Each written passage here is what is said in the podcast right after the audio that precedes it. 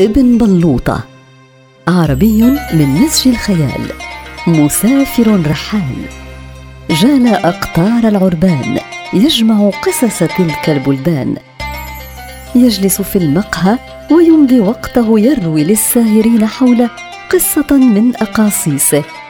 فمن عرف من السامعين المعاني المخبأة بين سطورها نال منه هدية قيمة. السلام عليك يا ابن بلوطة وعليكم السلام يا منصور. منصور منصور من هذا الذي يجلس على الطاولة في الزاوية؟ وما أدراني يا امرأة؟ هو مسكين فقير. أتى إلى صاحب المقهى يرجوه طعاما. يعجبني خليل. يليق به أن يكون صاحب مقهى فهو لا يرد جائعا دون مقابل. دخل رجل فقير إلى مطعم شهير. عرف صاحبه بالبخل وحبه للمال لكن الفقير كان جائعا. جلس على كرسي فأمر صاحب المطعم أن يقدم له بقايا طعام الزبائن. راقب صاحب المطعم المسكين يأكل فشعر بالندم على قراره إطعام الرجل. وصار يفكر بطريقة ينتزع من المسكين ولو دراهم قليلة بدل ما قدمه له.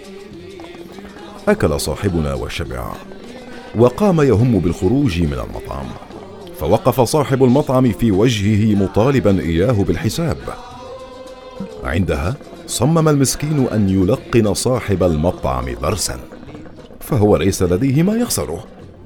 فنفض الفقير جيوبه أمام البخيل بهدوء كامل وقال ليس لي درهما واحدا أدفعه لك.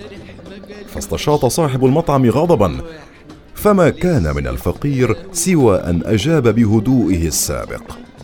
دعني أنزل إلى ساحة المدينة أستعطي فأجمع لك ثمن الطعام وأعود به إليك. فقال صاحب المطعم وما ادراني أنك تعود؟ فأجابه الفقير بنفس الهدوء يمكنك أن ترافقني. فغضب الرجل أكثر من المرة الأولى وقال أنا رجل معروف ولي مكانتي الاجتماعيه كيف أسير مع متسول من مكانتك؟ فأجاب الفقير وقال وذلك بهدوء لا مثيل له. اذا بقي أمامك حل أخير. أبقني هنا في المطعم. وانزل أنت إلى السوق واستعطي مكاني. واجمع ثمن الطعام. حينها احمر وجه صاحب المطعم. وتصبب عرقا.